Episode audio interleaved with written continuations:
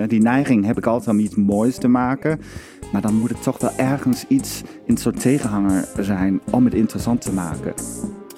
Ik denk dat er een heel uh, eenzijdig beeld is van hoe mannen geschetst worden in mode überhaupt. Uh, en daarmee ook queer mensen.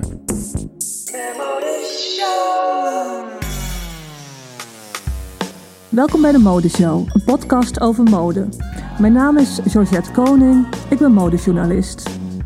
Mode verbaast mij al zo'n 25 jaar.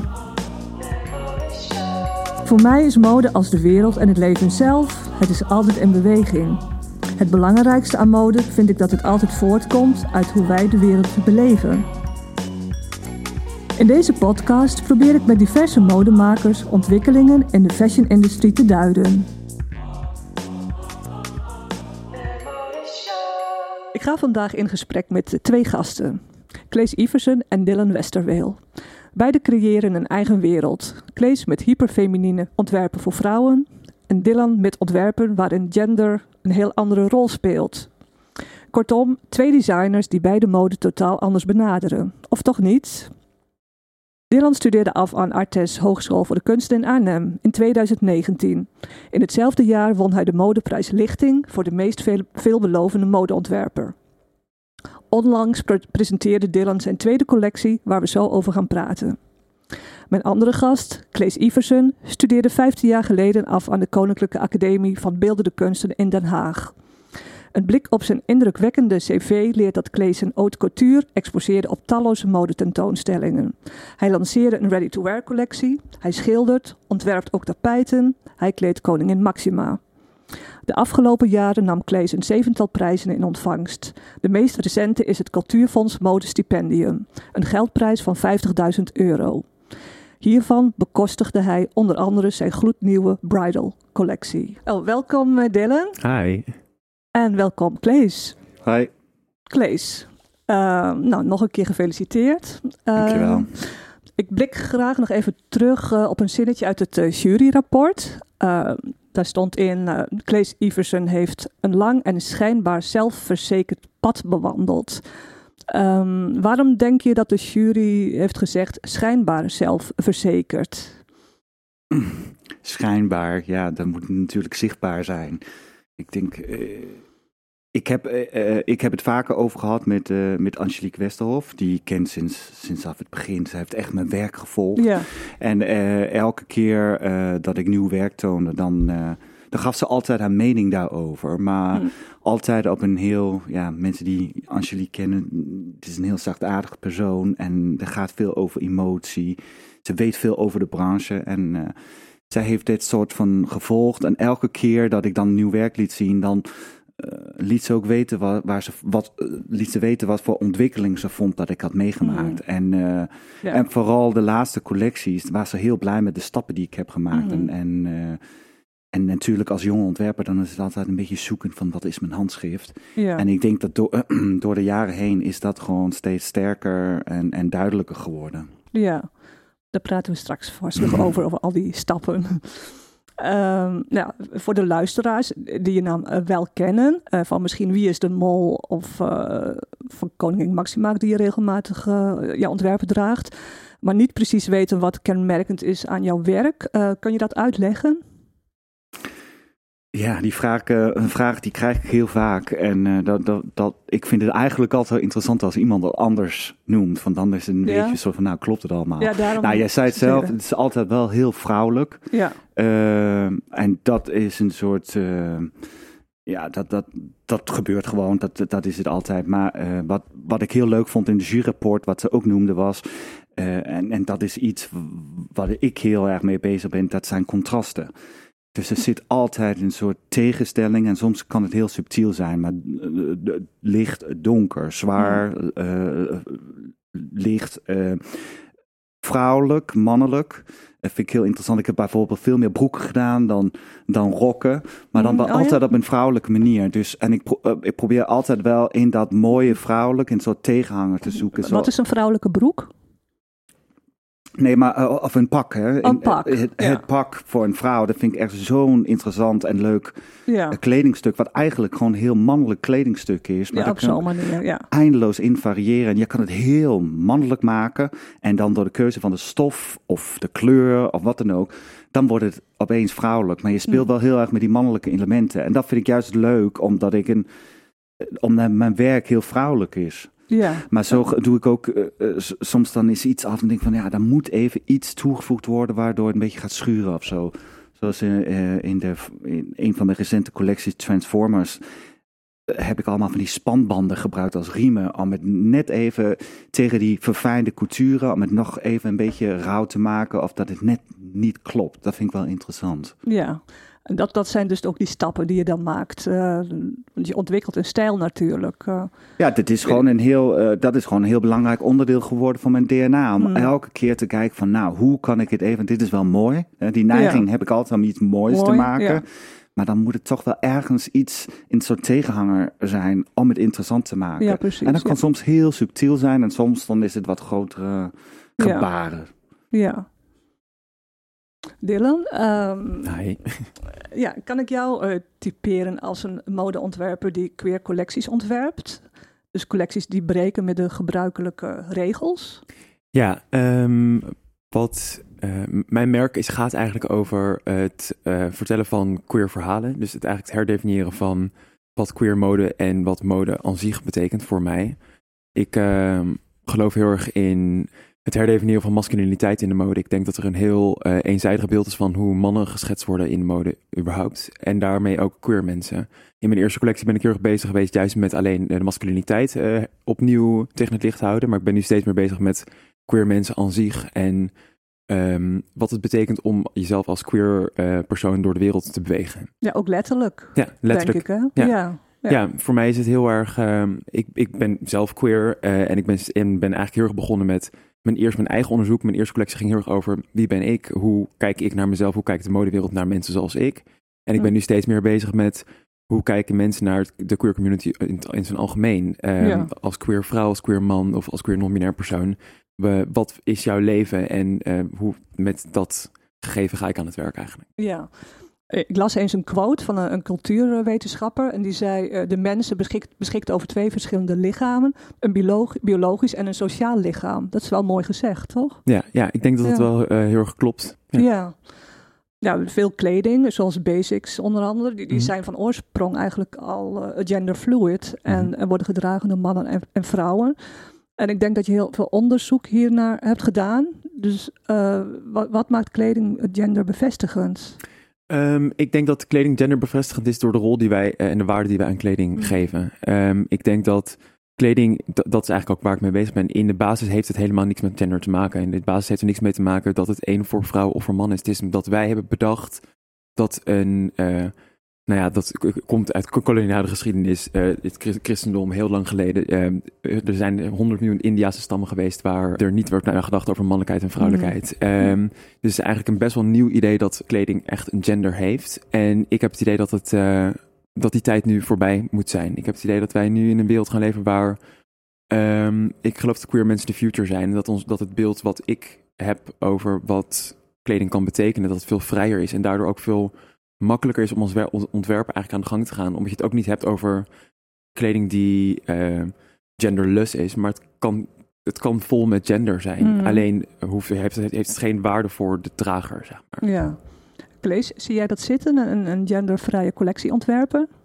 Ja, ik vind het een hele, pracht- hele mooie ontwikkeling. Eh, Ja. zoals Dylan zei, weet je, het gaat uiteindelijk over eh, eh, wat de maatschappij heeft bepaald. Van Mm. dit is voor vrouwen, dit is voor mannen, of dit is voor jongens, dit is voor meisjes. Hè? Van, je wordt daarmee gevoed van kinds af.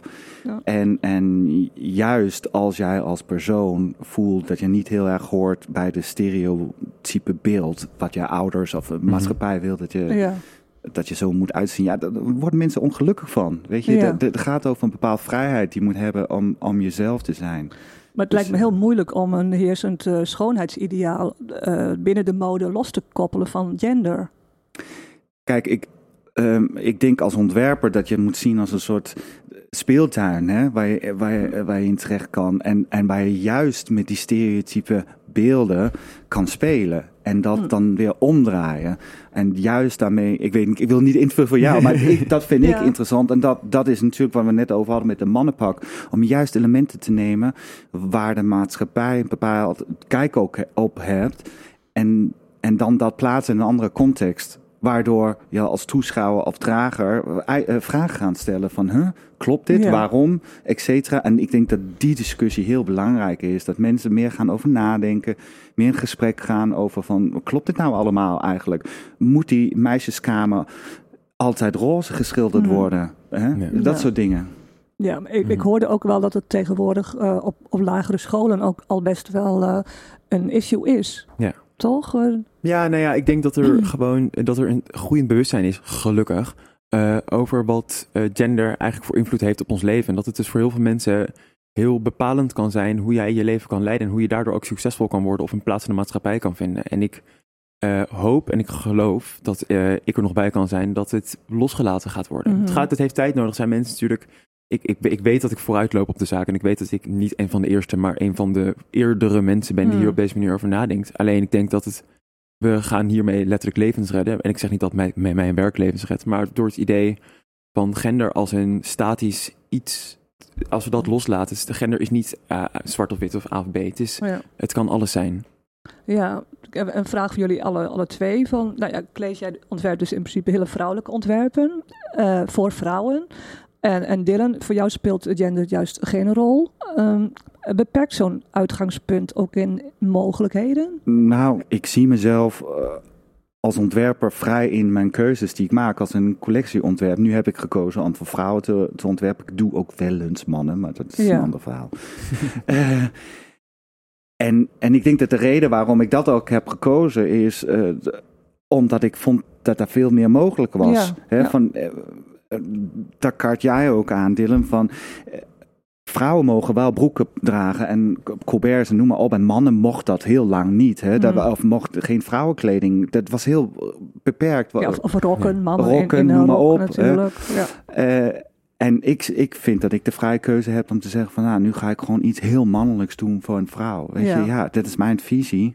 Ja. En eh, ik vind dat juist wel spannend om, om, om Ja. gewoon uit te putten in, in al die referenties of geschiedenis of, of stereotypen. Ik wilde het even uitlokken ook, hè? Ja. natuurlijk. Ja. En voor jou eh, is, is er een... Ja, ik denk dat ik ben in mijn eerste twee collecties juist heel erg bezig geweest met het uitdiepen en eh, een soort van loskoppelen van masculiniteit. Dus heb Ja. ik eigenlijk wel heel erg voor eh masculine mensen ontworpen. Niet per se voor mannen, maar voor masculine mensen.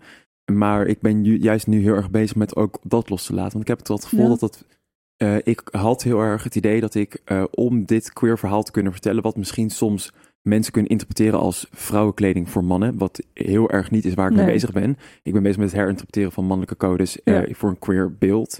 Maar dat ik merkte dat ik daardoor best wel vast begon te zitten van ook als ik alleen maar van masculiniteit heb, dan hou ik eigenlijk mezelf ook nog steeds de rem, hou ik nog steeds de rem erop. Dus ik probeer nu ook veel vrijer dan dat te denken.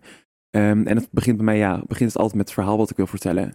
En nu ben ik veel meer geïnteresseerd in een breder verhaal dan alleen in masculiniteit. Ja, want jouw collecties die zaten eigenlijk vast aan het personages. Ja, ja. En eh, eh, dat heeft jou geholpen met, met, Ja. met onderzoek, denk ik. Ja, ja mijn En- eerste personage was eh, een eh, Victorian Rentboy. Dus een, Ja. eigenlijk een hoerenjongen in Victoria, Victoriaans Londen. En mijn tweede collectie gaat over ehm, eigenlijk performance. Het Cloud, Cloud Cahoon. En Cloud is eigenlijk is in haar tijd beschreven als een vrouw, maar ik denk dat het een non-binair persoon was. Ja. Ehm, en daar hang ik Dus eigenlijk een mijn hele collectie aan. bestaand eh, personage. Zijn allemaal allebei Ja, besta- al- bestaande ja. personages ook. Mhm. Ja, het is voor mij heel belangrijk om een soort van voedingsbodem te hebben daarvoor. Maar zit daar ook iets van jouzelf in? Zeker, ja. Ik weet nog heel goed, voor, met lichting kreeg ik... eh, wie was het? Piet Paris volgens mij. Die kwam langs en die ging overal even een beetje naar kijken naar iedereen zijn werk. En die zei tegen mij, weet je eigenlijk dat je gewoon een zelfportret hebt gemaakt? Ja. En ik had Ja. het alleen maar over ja en bla bla, Victorian Rent Boys, bla bla bla. En Mhm. deze mensen zijn al fantastisch. En toen was het zo van, maar je hebt eigenlijk gewoon over jezelf gepraat. Ja. En dat is wel echt wat waar ik uiteindelijk ook achter ben gekomen. Ja. ja. Dus spannend hoe zich dat ontwikkelt. eh. Heel spannend. Ja. En, en eh, Klees, er is de afgelopen eh, jaren nogal wat reuring gaande in de mode-industrie. Jij zat toen nog, Dylan zat nog op school, hè? vooral. Eh, misschien heel iets anders uit zijn hoofd. Eh, maar ja, het belang van duurzaamheid natuurlijk. eh, gebrek aan diversiteit in de modewereld. Veel ontwikkelingen op digitale vlak. Ehm, heb jij ook nieuwe inzichten gekregen de afgelopen jaren? Ehm, nou ja, ja, dat denk ik wel. Ik bedoel, je noemt het zelf, er gebeurt zoveel op zoveel vlakken. Hè. Van de ene kant eh, hebben we het over sustainability. En dat vind Ja. ik echt als bedrijf.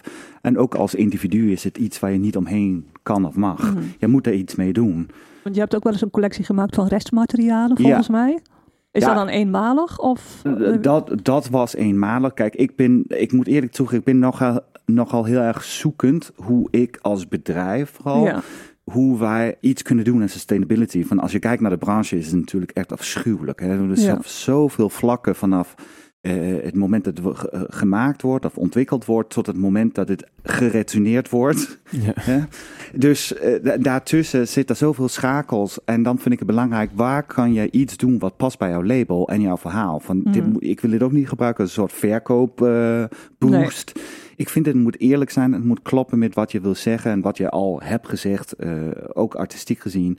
Dus op een gegeven moment, toen ik ben gestopt met de ready-to-wear, kwam ik achter, of wist ik, dat bij de fabrikant lag daar nog heel veel stof over. En het is wel heel gewoon, eh, als je een collectie produceert, dan is er altijd eh, restmateriaal. En meestal blijft dat liggen bij de producent, die gebruikt het dan misschien voor proefmodel, wat dan ook. En voor de rest wordt het gewoon allemaal, ja, je weet het niet of het verkocht wordt of, of weggegooid wordt. En toen heb ik dat allemaal laten, eh, of hoe zeg je dat, terugkomen Komen. naar ons. Niet weten hoeveel het was. En dan van de ene stof was het was een paar meter. En van de andere was er gewoon ja, een paar honderd meter. Dat is een enorme rol wat terecht kwam bij ons. En ehm, ik- vond het gewoon heel erg jammer om dat weg te gooien. En Ja. ook gewoon vanuit een, weet je, ik had daarvoor betaald. Ook dat. ook dat. Ja, ja. Want dat vind ik ook sustainability. Dat je echt kijkt binnen je bedrijf van hoe besteed mijn geld uit? Waar investeer ik in? Hm. dat dat ook klopt. En, ehm, en wij hebben dus een, een, een best een grote collectie gemaakt, maar alsnog hebben we heel veel stof over. En dat blijft wel zo'n. Ja, nu hebben we best veel door de jaren heen verzameld. En ik probeer altijd bij een nieuwe collectie te kijken, nog even een keertje in. in, eh, ja, wat we nog hebben, wat Ja. ik eventueel zou kunnen gebruiken. Omdat dat vind ik wel belangrijk. Dit zijn, dingen, dit zijn keuzes die ik heb gemaakt in het verleden. Dus Hm. ja, Ja. moet ik niet in de prullenbak gooien. Nee.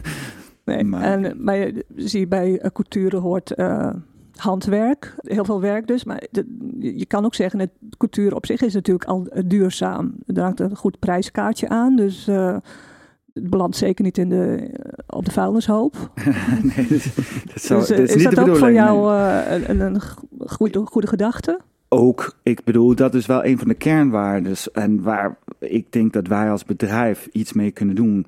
Van dat gaat voor mij over dat er bepaalde, bepaald werk wordt eh, ge- gedaan in mijn atelier of in mijn bedrijf. Waar er heel veel liefde in zit. Niet alleen Mm. maar vanuit mij, maar ook mijn werknemers. En ik hoop dus dat de consument of degene die die, die kledingstuk koopt of aanschaft, dat ze ook net zoveel waardering en liefde voor dat, voor het kledingstuk zou hebben. Ja. En, en dat is iets van mij, maar dat blijf ik ook zeggen, van dat maakt niks uit of het een couturestuk is of wat dan ook. Ik denk dat het heel belangrijk is dat de consument meer waardering kri- krijgt voor een kledingstuk. Van Ja. het, maakt niks uit hoe goedkoop het is. Het is in, zoveel handen geweest en er zitten zoveel handelingen achter. Eh, dus dat is de boodschap die ik altijd wil meegeven. Van Ja. probeer je te, te voorstellen van hoeveel werk hierachter zit. En eh, ga daar met respect over om. Ja. Hè? Dus bewaar het, maak er iets nieuws van, nou weet ik veel. Mhm. ja. Eh, Dus je moet meer toelichten in feite. Doe je dat ook op je website? Of is dat, eh, ja, mensen moeten toch onderwezen worden, altijd, denk ik. nou, ik, ik, ik, ik, ik probeer zo ver mogelijk een beetje eh, via de, mijn site en uiteraard Instagram te laten zien wat mijn bedrijf voor staat. En, Ja. en dat is ambacht, dat is eh, een bepaalde liefde voor de kledingstuk. Dus we proberen ook de ontwikkeling te laten zien en, en de mensen die aan werken. En zo, om dat mee te geven, dat het een soort eye-opener zal zijn voor andere mensen. Hm. Ik bedoel, we hadden net over, buiten voordat we binnenliep, over, over de ateliers van, van Dior en Chanel bijvoorbeeld. Waar ze gewoon hele oude ambachtsvormen uitoefent. En hoe mooi het Ja. is dat dat gebeurt. En dat moeten we koesteren. Ja. En dat probeer ik in een soort kleine hoeveelheid te doen. Maar als modeliefhebbers die inzicht krijgen, dan gaan ze ook anders om met hun kledingstukken, dat het alleen maar mode of een hype is. Dat, Ja. dat vind ik het belangrijkste. Ja. ja, Dylan, ik denk dat je daarmee eens bent ook. Ja. Jij vertelde ook eh, eerder dat jij zelfs een eh, speciale cursus gaat volgen ook in, in, eh, Ja. in Parijs. Voor, Ja, ja ik eh, wil bij Lesage ook een cursus gaan volgen. ja, zit- Lesage is een ja. heel groot, eh, het meest beroemde haute couture borduurbedrijf. Ja. Dus, eh, Ja, en ik denk wat jij zegt, hoor, Klees, ik dat heel erg waar is dat eh, mensen zouden dus moeten weten hoeveel werk een wit overhemd stikken is. Mensen zouden dus Hmm. moeten weten hoeveel werk daarachter zit. Tuurlijk zijn er, ik, ik denk dat mensen echt denken dat het gewoon door een soort van machientje heen komt en dat het er dan ploep en dat het op een ja, hangetje hangt. Veel denk- komt natuurlijk uit China, waar het door eh, zelfs soms kinderen wordt gemaakt en Ja. niet al te moeilijke dingen. Dus eh, Ja, ja, ik denk dat het, ik denk dat mensen zouden schrikken om te weten. Ik zou, ik zou eigenlijk wel gewoon iedereen willen verplichten om één keertje in zijn leven een overhemd al of, of nog makkelijker een t-shirt te maken. oh ja, Kijk, maar Ja. ik, het is, ik denk dat mensen schrikken van de, dat je dan echt heel veel waarde aan, aan items gaat hechten. Ik ben sowieso zelf, ik maak al mijn eh, tests van dead, deadstock materialen die ik gewoon overal uit Nederland haal. Ja. Eh, ik werk heel veel met stoffen die ik zelf inverf of zelf eh, eigenlijk verwerk tot, eigenlijk verrijk tot een rijkere stof dan wat ik het koop.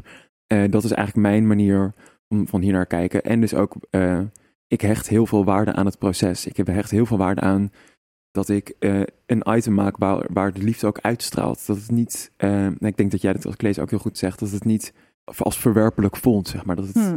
en ik denk dat dat in mijn ogen ook een goede manier is om te laten zien van, hé, hey, er, je hoeft niet de bloed, zweet en tranen erin te zien, maar eh, geloof dat hier echt met heel veel liefde en aandacht naar gekeken is. Ja, en wat ben je van plan met, eh, met, eh, met dat borduren als je die cursus hebt afgerond? Ja, ik ben eigenlijk wil ik mijn, mijn merk nu op een soort van nieuwe manier, tenminste mijn merk. Ja. Hi, ik ben Dylan Westbroek, ik werk in mijn eentje met mijn vriend. Ja. Ehm, maar ik ben heel erg bezig met eigenlijk het... maar her- je, je maakte je zin niet af, op een nieuwe manier positioneren bedoel je? ja, ja. Want, want ik, had, ik vroeg me sowieso af, het, het positioneren van een gender-free merk Ja. is al anders. Ja, nou, het is sowieso een, eh, hoe ik mezelf positioneer is. ehm, het is gewoon heel erg onderzoekend en dat is wat ik ook nu wel meer wil gaan doen. Hm. Is ik wil veel meer eh, respect en aandacht geven aan de, aan de research en, Hm. en in plaats van de uiteindelijke collectie ervan moeten of op de manier waarop we nu denken dat collecties gemaakt moeten worden. Ik wil mezelf eigenlijk, zoals jullie al horen, heel erg vrij laten eh, om niet vast te moeten zitten aan een idee van ik moet binnen een jaar twee collecties van minimaal zoveel looks hebben, want anders eh, hoor ik er niet bij. Ja, dat is ook iets van deze tijd waar heel veel kritiek Mhm. op is, hè, natuurlijk. Ik heb Klees wel eens horen zeggen van... eh, had ik maar ervaring opgedaan bij een ander merk. Denk jij dat ook? Oh, nou ja, jij kiest bewust om zelf een merk op te zetten. Dus Ja. Nou, het is voor mij is het heel dubbel. Ik heb zeg maar, natuurlijk wil ik wel ervaring opdoen bij een ander merk. Alleen merk ik heel erg dat ik nu heel erg de need voel om mijn eigen verhaal te vertellen. Of tenminste de verhalen te vertellen die ik wil vertellen. Dat het is een beetje een arrogante keuze van ja, ik, ik, ga, ik ga het wel zelf doen, want niemand anders kan het. Niemand an- kan het Mhm. bijna niemand anders. Maar ik heb het idee dat ik dit verhaal nu moet vertellen. ja. Kijk je ook naar een voorbeeld? Bijvoorbeeld internationaal? Is er een ander merk eh, eh, die dat doet? Mm, Waar je- Door laat inspireren bijvoorbeeld? Maar er zijn best wel, best wel veel merken die natuurlijk nu bezig zijn met meer genderfluid denken. Ja. En met meer eh, los van gender denken überhaupt. Je hebt natuurlijk eh, een tijd geleden Paloma Spain was opgekomen. Die hebben dat in eerste instantie heel succesvol gedaan. Alleen eigenlijk ben ik door hun heel erg gaan nadenken van... Ik vond dat zij best wel vrouwenkleding voor mannen maakten. Ja. En ik wilde juist heel erg eh, zonder dat genderidee te gaan denken. Dus eigenlijk veel meer vanuit een ander perspectief. Maar er zijn heel veel merken die eigenlijk aan de basis al niet meer over gender nadenken. Bijvoorbeeld Nina Moona in Nederland, dat is eigenlijk ook helemaal genderfree. ja. Dus het is, het is eh, absoluut een heel relevant onderwerp. En, en ik wil gewoon heel graag mijn stem daarin laten horen. Mm. Maar zou dat helpen als je meer voorbeelden ziet of juist niet? Ik denk dat het heel bevrijdend is voor mij om, geen, om minder voorbeelden te hebben. Oh, omdat ik ja. veel minder eh, bezig ben met, oh, dit is al gebeurd. Oh, dit is al, eh, dat zijn al de codes die al bekend zijn van dit en dit en dit merk. Ja, voor jou, maar voor heel veel. Ik las ergens dat ja, iets van 98% van de collecties. eh, die, die zijn dus niet genderfree. Dus eh, er is nog heel veel werk aan Ja. de winkel dan. Ja, nou ja, maar dan Ja. hoop, hoop ik dat ik een van de pioniers mag en kan zijn. Ja. Iemand moet de eerste zijn. Ja. Ik lees, jij, je wilde best al van kleins af. Oh nee, je was in ieder geval geïnteresseerd door, door eh, mode. Hè? Ik herinner me een verhaal met, je- met je oma, waar je graag in de spulletjes eh, zat. Nee, dat klopt. Dat is wel echt een, een kinderdroom geweest. Ik, eh, In Denemarken, want Ja. Is geboren in, in Denemarken. Ja. Ja, nee, de- ik, ik herinner me nog duidelijk, ik heb dat verhaal misschien al eerder verteld, maar ik, ik was een jaar of twaalf of zo en eh, eh, ergens in de jaren negentig, en we hadden een paar televisiezenders en dat was echt soort van, te- een paar keer per jaar, dan zag je dan de laatste mode uit Parijs. Ja. Werd zo, ja, heel Ja, ik weet welke je bedoelt. en dan zat je zo te kijken, zat van ik daar te kijken.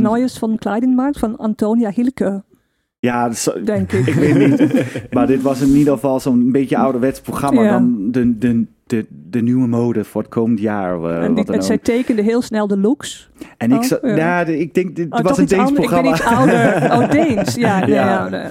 Maar in ieder geval, toen had ik gelijk zoiets van, nou, dit wil ik gewoon. Ja. En eh, nou, inderdaad, mijn oma, eh, zij, zij was hoedemaakster. Oh dus eh, zij eh, had een soort eh, werkruimte en in de kelder. En daar zat ik eh, ja, heel vaak door Mhm. alle haar spulletjes eh, te rommelen. En ging dan kleding maken van een paar poppen en zo die ze Ja. daar had staan. Of En zo. iedereen vond dat normaal al?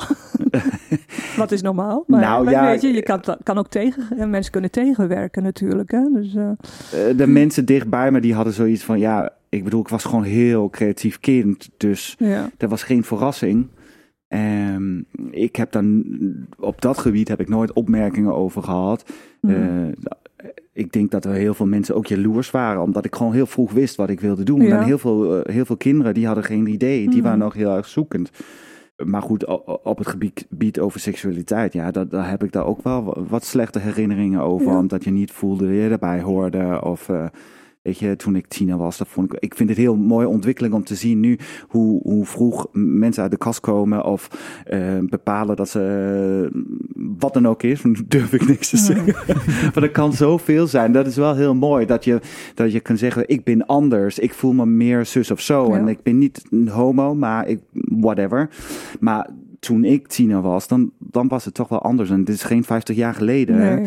Ehm, ik, ik, ik weet nog in periode, dan, ik vond het echt vreselijk, de gevoelens die ik had. Of eh, hoe ik me eh, anders voelde dan de Ja. rest. En ik dacht echt van, dit, is een, dit, dit wordt een, een geheim wat ik meeneem in mijn graf in. Ja, ja, Ik vond het echt, ik, ik mocht mezelf niet uiteindelijk. En Nee. dat, dat, dat zou ik wel willen, dat niemand meer dat, dat gevoel Ja. hebt. Dat je gewoon kan voelen, nou, ik ben anders, maar ik ben wie ik ben. En daar ben ik oké mee. En dat is iedereen oké mee. Dat is, wa- dat is waar we naartoe moeten. Maar zocht je ook eh, voorbeelden? Of eh, waren die er ook? Dat, dat kan eens helpen natuurlijk. eh, Nee, dat was het. Ik, ik had geen Nee. voorbeelden. Nee. Ik, ik bedoel, iedereen was hetzelfde. Hè? Mhm. Er waren jongens en meisjes. Ja. Zo heb ik het ervaren Ja. in ieder geval. Maar ik had, niet, ik had nooit het gevoel dat, dat ik naar iemand kon stappen en, en, en mijn vragen stellen. Of dat ik een voorbeeldfunctie zag ergens. Weet je, het was wel allemaal heel erg stereotyp. En daar had ik ook een bepaald beeld van nou, hoe het is om homo te zijn. En dat was ook best soort van in your face. Ja. En, en ik denk als je als jonge tiener bent, dan ben je wel heel erg zoeken naar die identiteit. En wie kan je mee identificeren? En ik had niemand. Nee, maar lag het ook aan het land of verder aan Denemarken? Want je bent na- naar Amsterdam gegaan op een gegeven moment. eh, wat toen bestond meer als, als vrij. Nou, de- Denemarken is ook best Best- vrij land op ja. dat gebied. En eh, kijk, ik, ik woonde niet in, in de hoofdstad. Nee. Ehm, dus dat, ik denk dat het ook anders was geweest al, als ik in Hmm. Kopenhagen had gewoond als kind. Maar dat, ondanks de, die, dat het wel een heel vrij socialistisch land is, ja, dat is net zoals in Nederland. Je hoeft ook maar eh 20 minuten te rijden weg van Amsterdam. En Ja. heb je echt mensen die gewoon fel tegen zijn iets wat anders is dan de norm, Ja. zogenaamd. Ja. Mhm, ja. Dus, Maar het heeft best wel vrij lang geduurd voordat je eh, daadwerkelijk mode bent gaan studeren. Want je hebt eerst eh, administratieve baantjes gehad. Had dat er allemaal mee te maken? Van, van dat je toch nog niet durfde? Of, Nee, eh, de, ehm, ik ben naar Nederland gekomen en ik was twintig en, en, en ik ging gewoon een baan zoeken en het is een Hmm. beetje zo gebeurd. Dan maar je, kwam je had ook een academie kunnen zoeken bijvoorbeeld. Dat zat nog niet helemaal in, in Nee, je ik vond het wel, ik, op dat moment was het belangrijk voor mij om geld te verdienen en dat vooral Ja, opmaken. waarom kwam, je naar Nederland, waarom kwam je naar Nederland? Voor de liefde? Of voor Nee. de... eh, Ik, eh, mijn zus eh, was eerder naar Nederland verhuisd. Zij is getrouwd met een, eh, met een Nederlander. En toen ik klaar was met, eh met gymnasium, had ik zoiets van: ik, wil, ik wilde gewoon zo snel mogelijk huis uit. Dus ik, ik had mijn examen en een week later ging richting mijn zus. eh, omdat ik een aantal keer op bezoek was Hmm. geweest bij haar. En ik vond Amsterdam heel interessant. Dus Ja. eh, het is ook een beetje gewoon hoe het is gelopen. Zonder, eh, ik bedoel, op 20 jaar leeftijd heb je misschien niet heel erg duidelijk plan van wat je wil gaan doen. hm. Maar wat misschien ook tegenwerkte, was juist dat ik zo duidelijk wist wat ik wel wilde gaan doen. Eventually, zeg maar. Ja. Dan had ik niet zo'n haast. Ik denk van, nou, dat komt wel goed. Ik Oh, weet, ja. ik weet toch wat ik wil doen. ja. En heb jij altijd haast gehad, Dylan? Eh, of herken je dingen uit zijn verhaal? Ja, nou ja, zeker. Ik ken natuurlijk wel dingen. Ik ben zelf in, in Amsterdam opgegroeid, dus dat, Hmm. dat maakt het al wel iets anders. Maar eh, de situatie is helaas nog steeds altijd hetzelfde als je anders bent. Dan, Ja. eh, Nederland Ja. is natuurlijk het grootste gezegd, dus doe maar gewoon heel gek genoeg. Dus eh, dat, geldt ook altijd voor mij hoor. Ja, Dus, eh, precies. dat geldt voor, iedereen. Ja, Ja, als je, als ja. je op op welke manier ook dan anders bent. ja. Ja. Nee, en altijd haast, ja, zeker. Ik eh, ben. Ja. eh, ik heb eh, tijdens mijn middelbare school en, en de helft van mijn basisschool eh, aan de Nationale Balletacademie gezeten. Hmm. Dus, oh ja, je was best wel professioneel eh, nou ja, professioneel, bezig, hè? professioneel is het nooit gelukt. Nou, nou, Eh, was, het was jaren, leuk. Jarenlang. Eh, jaren- Dus ik heb professioneel. Acht jaar lang eh, Ja, elke acht dag daar eh, gestaan, zeker. Dus dat heeft voor mij natuurlijk wel een soort van iets ingedrild. eh, wat ik eh, heel mooi nu nog steeds kan meenemen eh, naar, mijn, naar mode. Maar ik was ook, wat jij ook zegt, ik was, kwam van school of ik was eh, 18 en ik dacht, oh ja, nou ik ga dus blijkbaar geen balletdanser worden. Wat ga ik nu dan doen? En toen ben ik ook geld gaan verdienen, dat ik heel snel weer gaan uitgeven. Waarom mislukte dat ballet dan? ja, het is zo'n moordende Eh, competitie en ik was Ja, gewoon, niet- ik was gewoon Net als niet in goed de genoeg. mode. Ja, net als in de mode. En ik was gewoon niet goed genoeg. Dus ja, dat, Oké. zo werkt dat. Ik bedoel, het was, eh, ik heb er extreem veel van geleerd. En ik heb er een fantastische vriendschap aan overgehouden. En vooral heel, heel erg discipline en eh, waardering voor je eigen werk Ja. van geleerd. Maar ja, ik, ik kende ook het gevoel dat je dan ergens... Ik kwam toen eigenlijk ook in een andere wereld terug. Omdat ik altijd zo gefocust was op daar. Toen heb ik ook twee jaar lang eh, hard gewerkt, alles uitgegeven. En toen ben ik naar Arnhem gegaan. Want ik dacht, oh ja, ik wil ook ik wil iets gaan doen. Oh ja, Mhm. dan ga ik maar mode doen. Want ik vind daar, dat interesseert me wel een soort van. Ik had nooit, niet, niet vanaf ik zo klein was, had ik er niet eigenlijk een focus Nee. op. Ah, Maar wel heel erg op het storytelling ding, waar eigenlijk mijn merk, waar, waar de basis echt is. Ja. Ik ben altijd heel geïnteresseerd geweest in verhalen van mensen. Er liggen zoveel mooie verhalen op straat die gewoon geen aandacht krijgen. Ja. En waarom vertellen we alleen maar de verhalen van zes mensen op nog een keer, nog een keer, nog Ja. een keer? En de zelfexpressie, Ja. dat, dat kon je natuurlijk ook heel goed kwijt op de academie. Ja, nou, nou ja, op de academie, op de balletacademie zeker weten niet. Eh, Nee. want dan ben je gewoon een nummertje, dan moet je het invullen. Maar op de academie kon ik heel goed, en het was voor mij heel gek als soort van Amsterdamse schreeuwlelijk die al in Arnhem aankwam. ja. En eh, die opeens een soort van eh, niet meer de cool kid on the block was, maar niemand wist wie ik was. Dus ik moest me soort van gaan voegen naar hoe andere mensen naar mij keken. En dat is heel goed voor mij geweest, want ik was gewoon gewend dat ja, eh, ik, ik ben toch een Amsterdammer en iedereen kent mij hier en bla bla bla bla. En toen kwam ik daar en toen was het zo, ja, je moet jezelf maar gewoon bewijzen met wat je kan. Dus dat heeft Ja. mij heel erg gedreven ook. Dus een beetje tegenslag heb je wel gehad. Ja. En misschien ook wel nodig gehad Mhm. om weer iets anders te gaan doen. Ehm, ja, ik lees, je kent ook wel de, de ups en downs in, in je carrière. Want je noemde het net al even. Je hebt ook een ready-to-wear collectie eh, een pootje gehad. En die is ook gestopt. En wat mij dan ja, altijd eh, ja, fascineert is, er zijn meerdere ontwerpers. Dus eh, eh, die couture ontwierpen en ooit, eh, of ontwerpen nog steeds. En het wel hebben geprobeerd met eh, ready-to-wear. Maar ehm, dat is heel, schijnt heel moeilijk te zijn. De meeste lijnen die stoppen toch. En dan vraag ik me af van waar zit dat dan in? Eh, zie, Zo'n collectie moet natuurlijk commercieel zijn. En is dat meteen al niet dan de doodsteek? Eh, Kijk, eh, we hadden het net over, daar is heel veel verandering aan de hand in de modewereld. Maar het is eigenlijk de laatste twintig jaar waar gewoon dingen zo aan het veranderen zijn. Eh, in de jaren negentig, daar kon je als jong ontwerper in, in label beginnen. En dan kon je daar dan kon je dat gaan uitbouwen. En dan Hmm. kon, dat een, kon dat heel groot worden. Dat is tegenwoordig gewoon eigenlijk niet meer mogelijk. Om zomaar op die manier te doen. En ehm, ik merkte toen ik de Ready to Wear had, dat ehm, we hebben met heel veel liefde die collecties ontwikkeld. En ze werden steeds ook beter en beter. Ook beter ontvangen. Maar je, je competitie is Ja. gewoon de grote labels Ja. met heel veel geld. Dus je enige manier van soort marketing tool, dat, dat is Instagram. En dat is ook wel een heel powerful tool. Maar eh, ik kom daar gewoon niet tegen op. En Nee. ehm, Want je hebt gewoon een aantal winkels nodig, wil je kunnen bestaan. Ja, en dat, dat ja en uiteindelijk heb je een eigen winkel nodig, noem Ja. maar op. Nou, dan, dan, dan gaat de teller al. Ja. En eh, ik denk dat het heel erg aan het veranderen is. En zo ben ik ook zelf aan gaan veranderen. Van, hè, ik had een bepaald pad voor mezelf uitgestipt. Van nou, liefde ligt bij couture. En daarvanuit gaan we dan Ja. ready to wear doen. Best traditionele manier van, van, van denken. dat zie ik vaak, ja. Maar ik denk dat het heel erg aan het veranderen is. En, en daar heb ik mezelf ook toegelaten om te denken van... nou, dromen zijn ook kneedbaar. En die kunnen veranderen gaandeweg. En, en zo ben ik ook veel breder gaan kijken van... wat vind ik nou leuk en wat kan ik allemaal? Dus ook interieur, waar we het over hadden. Ja, eh, ja je, sch- kunst, je schildert, kunst, eh, et cetera. tapijten maak je. Maar Ja. ik, heb, ik zie echt de couture als een soort beginpunt, daar is waar de liefde vandaan komt, de bron zeg maar van alle creativiteit. En daarvan uit komt dan alles. En dan zie ik dan de ready to wear. Dat vind ik nog steeds super leuk en super Ja. interessant om te doen. Maar ik zie het dan veel meer in samenwerkingsverband. Dat je een project doet Ja. met een andere label of een andere instantie. Eh, laatst hebben we gedaan met Bol.com en Linde Magazine. Eh, bedrijfskleding, noem maar op. Ja. Maar alles is wel terug te halen vanuit de culturen. En eh, dat is wel even anders dan hoe ik daarover dacht toen ik net afgestuurd was. Van dan dacht ik van nou, er is een bepaald pad. Dit is de pad dat iedereen bewandelt. Zo Hm. maak je een succesvol bedrijf. En dat denk ik niet dat het meer van toepassing is. In ieder geval voor jong, als jonge ontwerper. Je kan, zo, je kan het doen op zoveel andere manieren.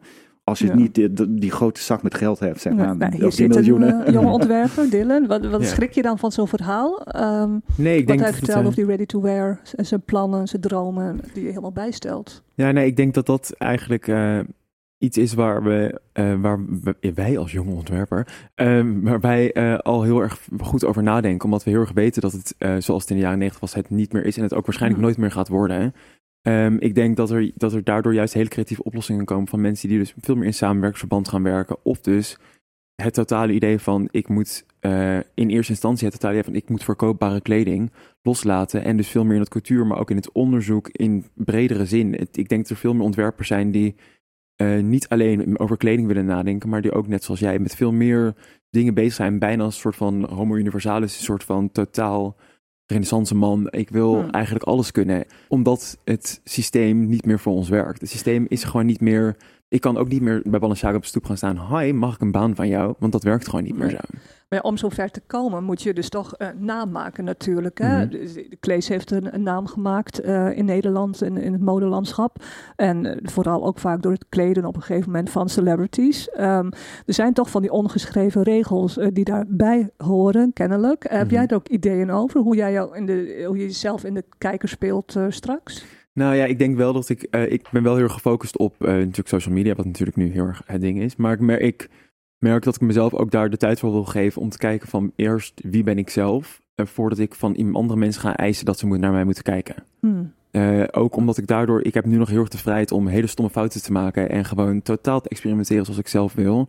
En ik denk wel op het moment dat ik heel erg ga pushen dat de wereld naar mij, mij, mij, mij, mij moet kijken, mij, dat, tuurlijk wil ik dat, tuurlijk wil ik bekend worden, tuurlijk wil dat iedereen het ziet. Alleen ik denk dat ik voor mezelf, en ik merk dat met veel meer mensen om mij heen, eh, die veel meer gefocust zijn op hun eigen groei en hun eigen ontwikkeling. En wat is mijn werk en hoe, wat is mijn werkwijze en wat betekent dat voor mijzelf en voor, mijn, voor de drager van mijn kleding als die er al is. Hmm.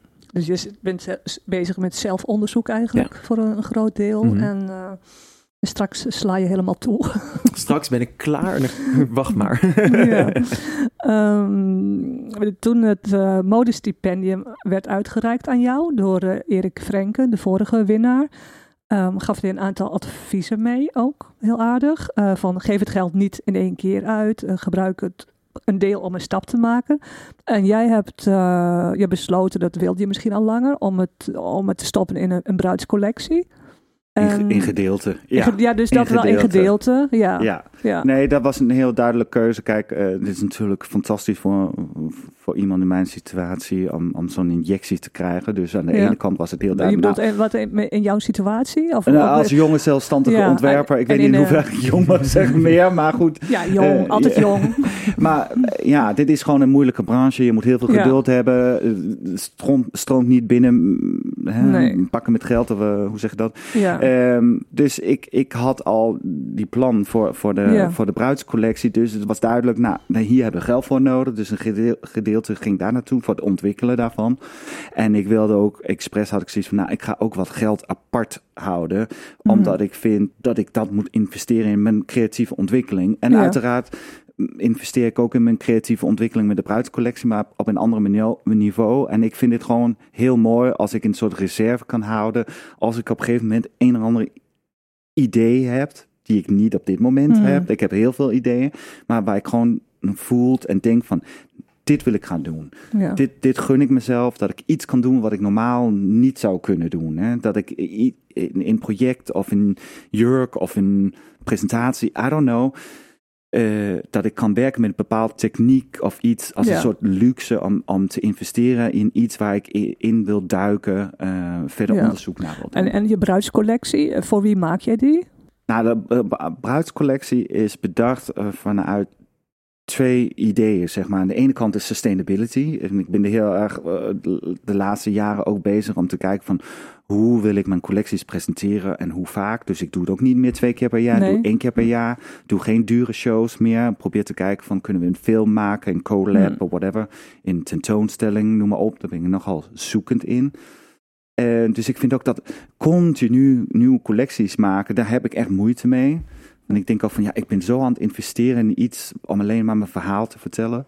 Daartegenover moet je wel, hè, mode gaat over, over het Hmm. nu, dus de continuïteit moet daarin zitten.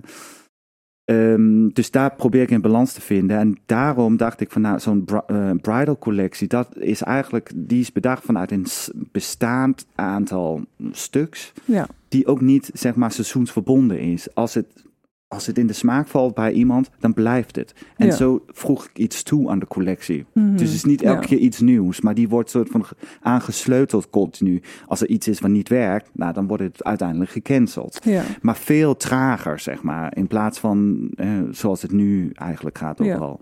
Maar er kwam ook uit eh, een bepaald behoefte van de klant, omdat ik natuurlijk al heel veel trouwjurk heb gemaakt. Maar echt op maat voor één iemand waar er maar één stuk is. Mhm. Nou, daar zit gewoon een bepaald ehm, prijskaart aan. En dan merkte ik dat we heel veel aanvragen kregen van bruiden die heel graag wilden trouwen in een, in een jurk van mij. Ja.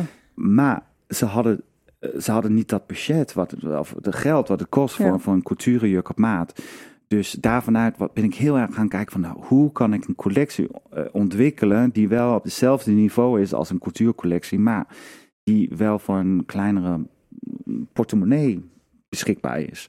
Mhm. En, en daar ben ik dus echt drie jaar mee bezig geweest, want dat is niet zo eenvoudig. Maar goed, al die kennis die ik had van Wat is de het moeilijkste eraan dan? nou ja, je, je, je moet, je, je wil iets ontwerpen wat commercieel is, Mhm. maar wat ook uniek is. Dus ik moest ook heel erg kijken naar waarom komt iemand in bruid naar mij toe. Van Ja. er is gewoon heel veel op dat gebied. Ja. En toen werd het heel snel duidelijk van, nou, mijn bruiden zijn niet de doorsnee bruiden. Ze, ze kiezen voor iets wat net even anders is, Mhm. zonder dat het helemaal gek Ja. is. Ehm, en dat, hè, dus het is belangrijk om te weten, wat, wat is mijn kracht? Ja. En, en da- daarom blijf ik zeggen, dit zijn gewoon jurken die toevallig wit zijn. Of kleding die toevallig van, we hebben ook Mhm. een pak, en we hebben ook een Ja. korte jurk, en een rok. Of een, hè, sommige dingen zien er best casual uit ook. Eh, de kleur is een beetje secundair eigenlijk. Ja. En ik werp heel erg vanuit gewoon een mooi kledingstuk. En niet zozeer dat het een tuttig bruidsjurk moet zijn. ja. En toch Ehm, betaalbaar dus. En toch betaalbaar, eh, maar wel op een bepaald niveau. En dan ga je heel erg kijken, technisch ook, eh, hoe ga je dit maken? Dat, het, Ja. dat de kosten laag blijven. Hm. Eh, dus daar moet je ook creatief mee zijn. Maar goed, Ja. het ontwikkelen van de ready-to-wear hielp hier wel heel erg mee, die ervaring die we hadden. Maar dan ga je gewoon heel erg op detail kijken van, wat ga je met die naden doen? Hoeveel impact heeft dat voor draagcomfort en Hm. voor de uiterlijk? Dus het, is, eh, het wordt nogal een technisch verhaal. En zo moet je met el- elke kledingstuk heel goed eh, creatief bedenken van nou, hoe kunnen we het zo mooi mogelijk maken zonder dat het te duur wordt. Ja. Ja, Dylan, heb je trouw, trouwplannen? het klinkt wel heel erg fantastisch. Ja, trouwen Ja. in een klees. Ja, waarom niet? Ja, waarom niet, toch? Heel veel bekende mensen gingen je al voor. Ja, precies. Ik zit Het is niet toch altijd eh, types. fascinerend. Hè? Al die, Ja. had ik het met Ronald van der Kemp over, ook over. Toen ik hem introduceerde, twijfelde ik of ik al die namen moest opnoemen. Zoals eh, Celine Dion en eh, Justin Bieber. Mhm. Maar hij vindt het juist heel belangrijk om dat te doen. Want Mhm. eh, ja, je zet er toch een soort stempel eh, van goedkeuring eh, mee op je collectie.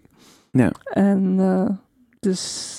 Maar is het van deze tijd, denk ik wel eens? Of, of hoe, ja, het is belangrijk, maar ik, Ik soms, denk dat het de snelste manier is om die merk te lanceren. Het is, Toch, het is ja? de allermakkelijkste, als, als, als ehm, Rihanna één keer jouw kledingstuk ja, aan heeft, dan ben je uitverkocht. jij op? Ehm, nou ja, uiteindelijk natuurlijk wel. Ik bedoel, ik, heb, ja, ik ben nog, nog heel erg in een onderzoekende fase. Maar ik denk wel, natuurlijk is dat wel een manier. Alleen waar ik wel zelf heel erg waarde aan hecht, is dat die mensen wel op, in de een of andere manier binnen mijn wereld passen, zeg maar. Ja. Ik heb eh, wel aanvragen gekregen van mensen van, oh ja, haha, grappig, bekende mensen, ik noem geen namen. Mhm. Ja, eh, mijn vriendin gaat als een man en ik ga als een vrouw. Mogen Yes. kleding van jou lenen? Toen zei ik, ja, dat mag gewoon niet. Nee. Ik vind mij, ik neem mijn werk daar misschien net, net even iets te Nou. serieus, maar het is gewoon, mijn verhaal is op dit moment nog zo belangrijk dat ik niet zomaar dat verhaal Ja. uit handen wil geven aan mensen die er zonder respect mee Ja, omgaan. dat blijkt dat je er toch nog veel moet over eh, vertellen en duidelijk Ja. maken. Als je het zo, eh, zo Ja. Ja, we hebben ne- bekende Nederlanders. Ja, ja, ja, Had precies. Ronald ook niet de pet heel hoog. Nee, zeker. Ik wil toch nog even een heel kort eh genderquizje met jou doen. Oh, spannend. mag ook meedoen. Het, Dat ik nu allemaal ehm, dingen niet weet, wordt leuk. Nou ja, nee, het is heel simpel. Sokken, queer of niet? Sokken? Sokken zijn het queer, meest queer ding wat er is. Iedereen kan alles sokken aan. Ja. Ja? Ik kan ook zelfs geen sokken aantrekken. En eh, het corset, queer of niet? Ik vind corsetten heel queer. Eh het corset is zeg maar een, een van de hoofdlijnen in mijn werk überhaupt. Eh, het Ja, is- jij gebruikt ze veel. ik gebruik het Vlees ook. gebruikt ze veel, Ja, toch? Ja. Als basis. Ja. Ja. Ja. Ja. fascinerend kledingstuk is dat, hè? Ja, lekker vrouwen in snoeren en mannen in snoeren. Ja, dit is gewoon... Ja, is Vrijheid prachtig. onder, uit, onder Nou, en het is een van de eerste dingen dat als je zeg maar heel ver terug gaat kijken in de jaren 20 Harlem Renaissance, eh, queer mensen, is een van de eerste die mensen deden als ze eh, hun queerness wilden uit. Want je mocht aan de buitenkant geen, eh, geen eh, kleding dragen die bij, niet bij gender hoorde. Was dus ging het over de underpinnings, dus ging het over ondergoed en dus corsetten. Dus eigenlijk Ja. is het heel queer. Ja, ja. Eh, de stropdas. Ja, de stropdas. Ik denk dat dan een stropdas hangt zo'n eh kaartje van wat eh, het hangt. Het heeft een heel gro- groot Trump Trumpiaans gevoel. Ja, en het is, tegenwoordig. ja. maar je hebt bijvoorbeeld Nina Moena, een Nederlands ontwerper, die heeft de stropdas letterlijk door de midden geknipt en opnieuw aan elkaar gestikt. En ik denk Ah, dat ja. er, daar zit wel, er zit ontwikkeling in, maar het is nog zeker niet queer. Ooit deed Prins Klaus dat ook, hè? weet je dat nog? Die- maar om hele andere redenen. meer voor vrijheid volgens mij. Ja, nou, dit was een heel eh, kort quizje. Oh, spannend. Ik dacht, er komen nog heel veel Ja, nou we- hoe ver kan ik gaan? Wat is er nog meer? Nou ja, de jurk, eh, de rok. De rok eh, is wel duidelijk, toch? Ja, de Eh, rock is, rock is zeker queer, maar rock was in het begin was het helemaal niet queer, want de rock was van iedereen. Want ze konden nog... Altijd, ja. Ja, de rock, de vo- voordat, ze, voordat ze überhaupt kleding konden maken, had iedereen een wikkel, wikkeljurk of mikkelrok. Dus. Ja, en geen onderbroek. Dus- Bestond ook niet. En geen sokken. Nee. Maar die kwamen wel op een gegeven moment, hè? Ja. Zijden sokken. Zijden sokken, heel chic. Rijke mensen. Ja, ja, heel mooi. Ja. Dus de inspiratie is wel eh, oneindig. Mhm.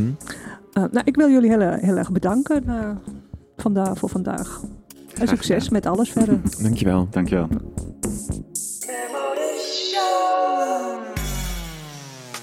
Luisteraars, dank voor de aandacht. Informatie over deze podcast, maar ook over komende mode-exposities vind je op demodeshow.nl. Op Instagram volg je ons via de.modeshow.